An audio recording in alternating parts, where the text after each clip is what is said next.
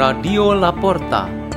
The door is open for you for the growing of knowledge and wisdom of God.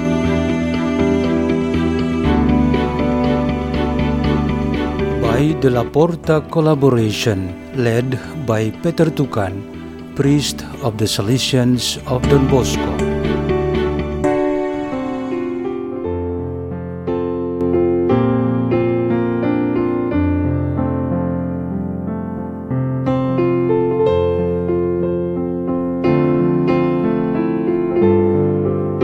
Readings and meditation on the Word of God, 15th Sunday in Ordinary Time, July 12, 2020.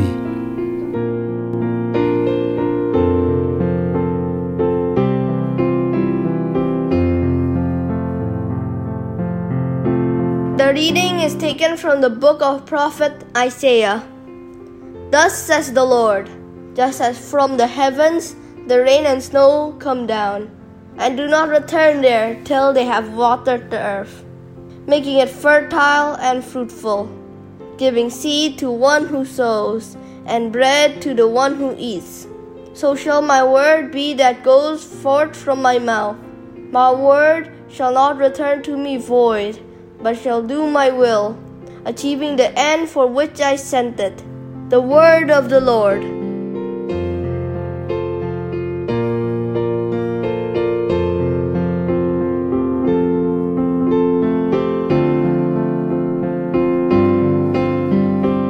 The reading is taken from the letter of St. Paul to the Romans. Brothers and sisters, I consider that the sufferings of this present time are as nothing compared with the glory to be revealed for us.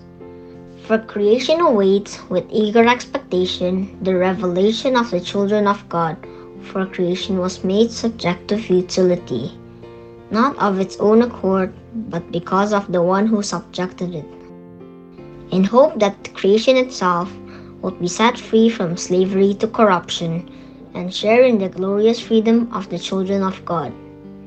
We know that all creation is groaning in labor pains even until now. And not only that, but we ourselves, who have the first fruits of the Spirit, we also groan within ourselves, as we wait for adoption, the redemption of our bodies. The word of the Lord.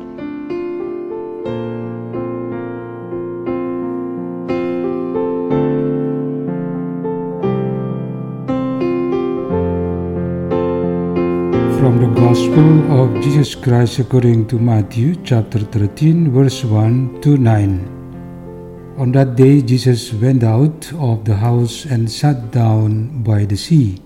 Such large crowds gathered around him that he got into a boat and sat down, and the whole crowd stood along the shore.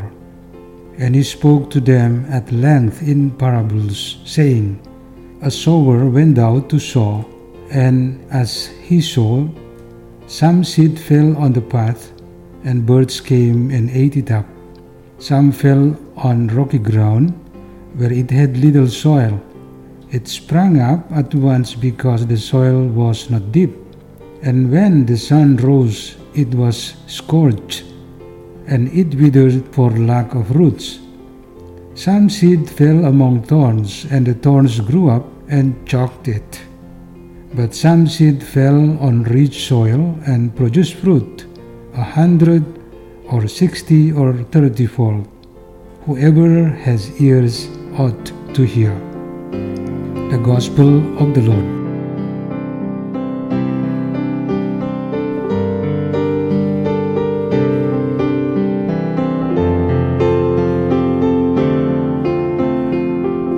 Theme for our meditation on this 15th Sunday in Ordinary Time is Don't Let This Life Go in Vain. There was an event that was quite disturbing in a residential area of the city. Many of the husbands began to get used to gathering until midnight from one house to another. Usually, they drank alcohol drinks did gambling and spending times there. This surely had caused much sorrow to their wives at homes and increased their household problems. In a particular occasion, those wives gathered in one of their houses to discuss the matter. Then they decided to strike a protest. They received the support from all the residents there, and together they went to where their husbands gathered. They carried a banner with this expression Don't let your family life go in vain.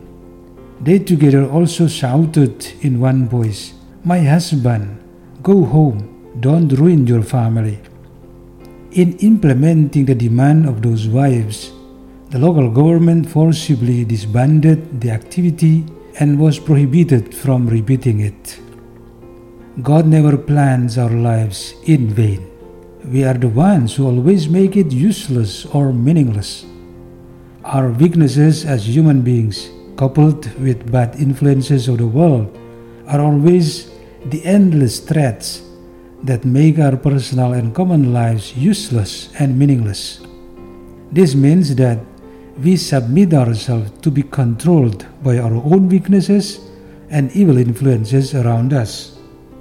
We can mention our human weaknesses such as laziness, reluctance, boredom, surrender, and lack of confidence. Indeed, contribute a major influence to let this life go in vain. If someone reaches his time of death when he is only known by the people around as a lazy person or a troublemaker or a criminal and a burden for others. This is obviously a real wasting of life. If someone, until the moment he dies, yet without solving the problems that have tormented him physically and spiritually, this means that he really experiences a wasting of life. Our today's holy readings give us one important piece of advice, namely, that our lives should not go in vain simply because our attitudes are bad or we do not discipline our lives. God wants us to discipline ourselves in the way we live out our faith. That is, we should not take it for granted and to underestimate His teachings and commandments we must view it as a very important thing for us and we take it seriously. Jesus uses the symbolical method to teach us that we must become the good soil for His Word to grow and bear abundant fruit. The rain of His grace sent down in order to grow our life of faith so that it can also bear much fruit. A life that goes in vain is an indication of the fragile and shallow faith. Let's pray. In the name of the Father, and of the Son, and of the Holy Spirit, Amen. O Jesus, may your word that is proclaimed today to us flourish in our daily lives. Our Father who art in heaven, hallowed be thy name. Thy kingdom come, thy will be done on earth as it is in heaven. Give us this day our daily bread, and forgive us our trespasses as we forgive those who trespass against us. And lead us not into temptation, but deliver us from evil. Amen. In the name of the Father, and of the Son, and of the Holy Spirit. Amen. Radio La Porta. The door is open for you.